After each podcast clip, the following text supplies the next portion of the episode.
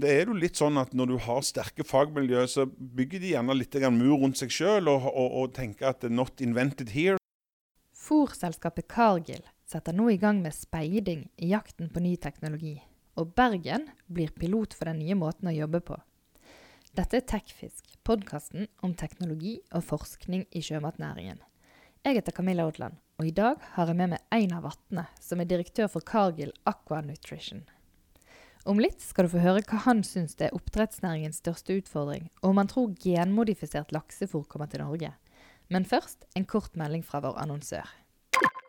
Bioretur tilbyr slamløsningen Fish Sludge Recovery System, som er utviklet fra landbaserte oppdrettsanlegg. De leverer også anlegg med biogassreaktor som produserer grønn energi av fiskeslammet på anlegget. Teknologien er godt utprøvd og utviklet i samarbeid med internasjonalt anerkjente aktører. Gå inn på nettsiden bioretur.no for å lese mer. Uh, Einar Vatne, hvor viktig er forskning for dere? Forskning har jo vært fundamentet for uh, utviklingen som fôrindustrien har vært gjennom helt siden tidenes morgen. og Fôrindustrien har jo bidratt til forskning uh, kanskje langt utover det som har med fôr å gjøre, og har vel vært en medspiller til at oppdrettsnæringa er kommet så langt som den er. Nå er det jo også sånn at det er en sånn typisk trekk for laksenæringa. Um, vi vel, har nok hatt mye sterkere partnerskap med kundene i utviklingen av en næring i laksenæringen enn mange andre oppdrettsarter har hatt. Og Det er en, en del av grunnen til at vi er kommet så langt og er blitt teknologiledende i laksenæringa. Og På hvilken måte vil du si at forsknings- og utviklingsarbeidet deres har endret seg etter at Evos ble kjøpt opp av Cargill? Ja, forskning og utviklingsarbeid har vært i uh, endring konstant. Um, en av de tingene som uh, vi har arbeidet mye med uh, i EVOS, og som er blitt forsterka gjennom Kagel nå, det er dette med å bringe utsiden inn. Selv om vi har investert mye i egen forskning, egne forskningsanlegg og fasiliteter, så, og kompetente forskere, så vet vi at i verden der ute er det så mye, mye mer. Og Derfor så er dette med å ha åpen innovasjon, eller for the outside in-tenking blitt mer og mer viktig. Og nå i Cargill så har vi i ferd med å sette dette i system, sånn at det, eh, det vi kaller for speiding blir et systematisk tilnærming der vi er på jakt etter å finne teknologier og ingredienser og digitale løsninger som kan hjelpe oss framover. Og da må vi være ute i de innovasjonsmiljøene der sånne type, eh, ut, sånn type utvikling skjer. Og det blir nye måter å Eh, og, og jobber på for oss. Og, og jeg har begynt så vidt med Bergen som pilot. Ja, for Dere skal jo bl.a. over i Marineholmen, der denne innovasjonsklyngen er. Hva får det å si for dere? Ja, Det ser vi jo veldig fram til. Vi tror det er, vil være et inspirerende miljø å være i for våre ansatte. Og Det som er noe med, viktig med samlokalisering, det er det personlige. At det går an å møte fagkompetanse, enten det er hos kunder, eller hos leverandører, eller i de akademiske miljøene, over i, i litt utradisjonelle eh, samarbeidsformer. At ikke alt er oppsatte møter, men at vi kan møtes i en kaféform eller på gangen. Og der, det, det der klyngene har sin styrke, det er at du finner disse uformelle møteplassene eh, der man kan tenke sammen, og plutselig så har vi en idé. Samtidig er det jo bygd opp på, på Marineholmen et, et, en møteplass for innovasjon, der små selskap kommer inn. Og Vi er jo veldig stolte av at vi har gått i partnerskap med dette Hatch, som er det første, den såkalte akseleratoren, som, som nå har åtte startup-selskap inne. Som Hatch skal hjelpe fram til å møte kommersielle partnere, finansiører. Og Vi er veldig glad for å, å, å sponse dette, og vi ser at dette er en del av den nye samarbeidsformen som, som vår innovasjon skal bygge på. Ja, og disse Hatch, det er jo åtte selskaper. Ser du for deg at dere kommer til å fortsette å samarbeide med noen av de etter at programmet er over i juni? Ja, Nå er det litt tidlig å si. Eh, for det første så kan det jo være vi syns det. Det er ikke sikkert de syns om oss. Så Dette er jo en møteplass der vi skal finne eh, et partnerskap som, som passer for begge parter. Men når jeg har sett de åtte selskapene, så er det helt klart at det er interessante ting. Det er både ingredienser, det er oppdrett fra andre land som, som kommer til, til, Bergen. Og det er teknologi fra Silicon Valley som kan være veldig interessant. Så, så, her er det muligheter. Hva det blir ut av det, det vet vi ikke. Dette er første gruppa, og det blir mye flere. Så, så, her skal vi helt sikkert finne ting som blir kobla til Cargill. Det er jeg helt overbevist om. Ja, for Du nevnte speiding. Er det sånn at det vil bli lettere for sånne små oppstartsselskaper å komme til Cargill eller Evos med sine ideer enn det har vært før? Ja, jeg tror, jeg tror, det. Og det er jo litt sånn at Når du har sterke fagmiljø, så bygger de gjerne litt mur rundt seg sjøl og, og, og, tenker at 'not invented here' er jo en trussel for sånne etablerte, etablerte miljøer. Vi har prøvd å være åpne alltid. Vi håper det har vært lett å komme inn til Kagel, men, men nå blir vi offensive. Nå kommer vi til å gå ut og forespørre og lage eh, et miljø og et, en, en, en, atmosfære som gjør at de skal være velkomne, og at vi skal prøve å hjelpe dem inn. Og så har dere også et eget forskningslaboratorium i Dirdal. Kan du fortelle litt om hva som skjer der?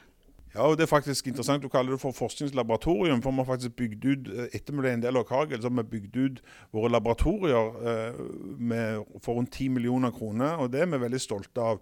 I Kagel sin standard- og sikkerhetsfilosofi så er det blitt veldig flotte laboratorier som nå er kobla til Kagel sitt nettverk av laboratorier worldwide. Men ellers er Dirdal et, eh, et senter der vi har, baserer oss på fiskeforsøk. Og der vi har en utrolig stor kapasitet for uh, å drive med, med, fisk i alle uh, former, alle størrelser. Saltvann, ferskvann. Og vi driver òg med en del med luseforsøk. Det, det, det, er det vi har lov til å, å drive med innenfor den konsesjonen. Og det er, det er hjertet i, i, innovasjonsarbeidet, det som vi gjør i, i Dirdal. Og vi har òg de fleste av forskerne våre er lokalisert i Dirdal eller i Sandnes på, på kontoret der. Er det noen forskjell på hvordan forsknings- og utviklingsarbeidet er her i Norge rettet mot laks eh, og, andre, og de andre lakselandene? Ja, vi har jo nok Den største forskjellen er kanskje volumet. Det har jo blitt satsa mye mer kroner på forskning, både private og offentlige kroner på forskning i Norge eh, enn noen andre havbruksland vi kan sammenligne oss med. Og det har jo òg gitt at vi har fått veldig sterke grunnforskningsmiljø, sterke akademiske miljø, og vi har òg fått en veldig bra rekruttering eh, av uh, forskerutdanna kandidater som vi kan bruke. Så jeg vil kanskje si det er volumet som er, det, er, den største forskjellen. Det er mye smart forskning fra andre land òg, men jeg vil nok si at forskere i, i si Skottland, Canada og Chile, som er våre laksepartnere, de har nok ikke hatt det så godt og fått så mye tilgang på midler som de norske forskerne har hatt det. Og Hvordan er det med fôret? Er det det samme her som i de andre landene? Det fagmessige som, som styrer sin sammensetning, det er fordelt eh, nokså likt over, over, landegrensene. Og vi har akkurat de samme behovsmatrisene når vi formulerer fôr i Chile som vi har i, i Norge. Det som gjør at eh, forskjellen kan være litt annerledes, det, det, er kanskje to ting. Det ene er at miljøforholdene er litt forskjellige. Temperatur, lysforhold, som, som er med å bestemme fisken sitt behov. Og det andre er råvaretilfanget, eh, som er ulikt i de ulike markedene. Um, vi, har, um, vi, har, eh, tilgang på og vi har godkjenning av råvarer som er forskjellig. Vi har EU eh, e sitt regelverk å forholde oss til. Og det er noe strengere på enkelte råvarer enn det som vi har i Chile og i Canada. Det betyr f.eks. at eh, animalske biprodukter har vært brukt konstant i, i, disse landene. Det har vært litt inn og ut i, eh, i EU. Vi har GMO-lovgivningen som er forskjellig. Og det er noen sånne regelverk som gjør at det, forskjellene er, er, på råvarer er vel kanskje de største forskjellene. Fôrets sammensetning er i veldig, veldig, mye det samme. Ja, Du nevnte GMO, og uh, i Chile så driver dere og tester genmodifiserte ingredienser i fiskefôret. Er det noe som kommer til Norge, tror du? Ja, Det vil jeg mest si. Jeg får håpe det. Uh, genmodifisering uh, av, av planter er en viktig del av å kunne forsyne verden med sunn mat og, og, og, og i rette mengder, sånn som eh, den, verdens befolkning vokser. Så det er en teknologi som, som vi trenger.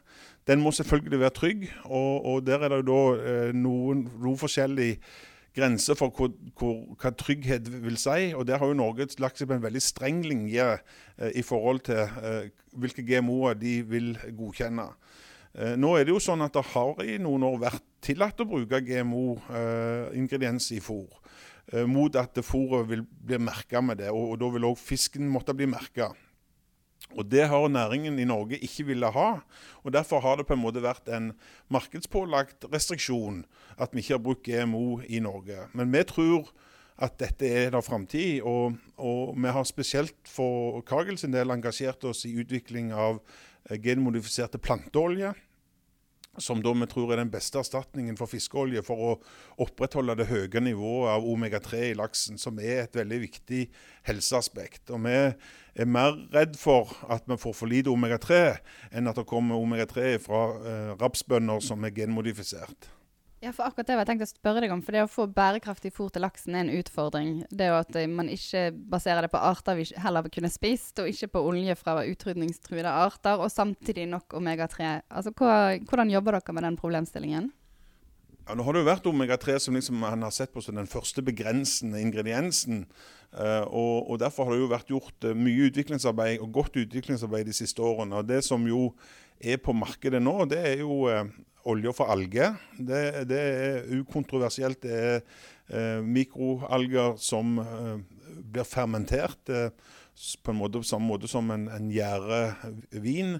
Eh, og da omsettes sukker eller andre substrater til omega-3-rike eh, plant, planteoljer eller algeoljer.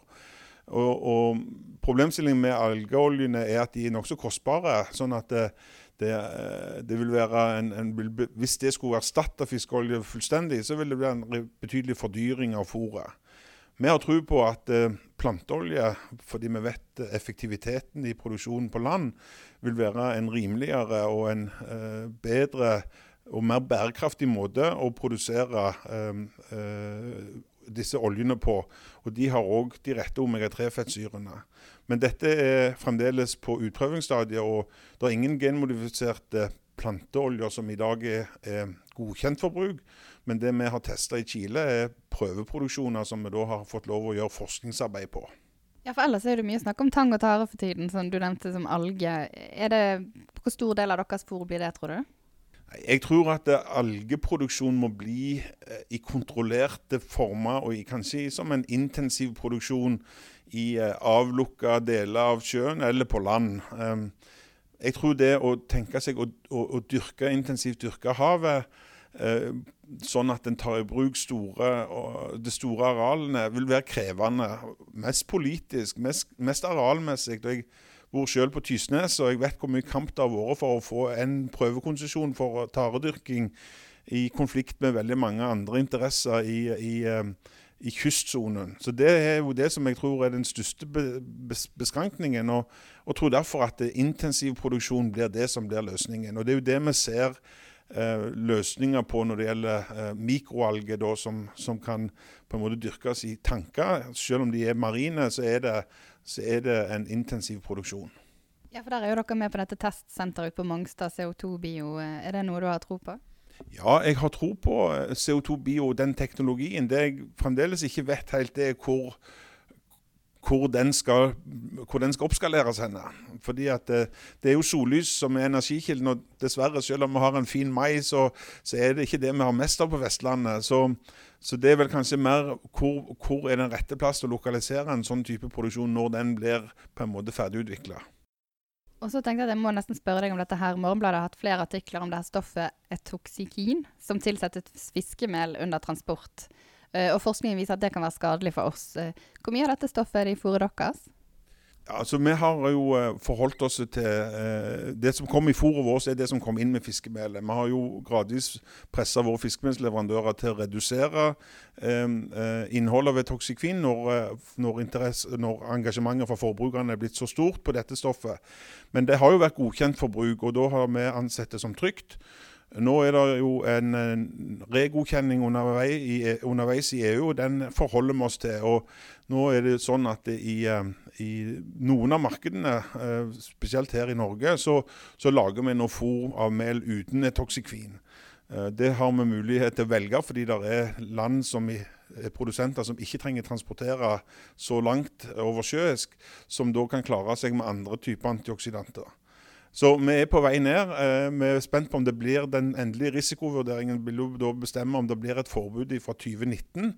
Og Da må vi forholde oss til det. Da er toksikvin ute som antioksidant. og Det er det på en måte EFSA sitt eh, matvaretilsyn som vil bestemme. Hvilke konsekvenser får det for dere hvis de bestemmer at det blir forbudt? Det kan få den konsekvensen at vi får et mindre utvalg å, å source ifra. At det blir land som det blir vanskeligere for oss å handle med. Fordi at det blir da eh, transportrestriksjoner som gjør at vi ikke får transportert dette.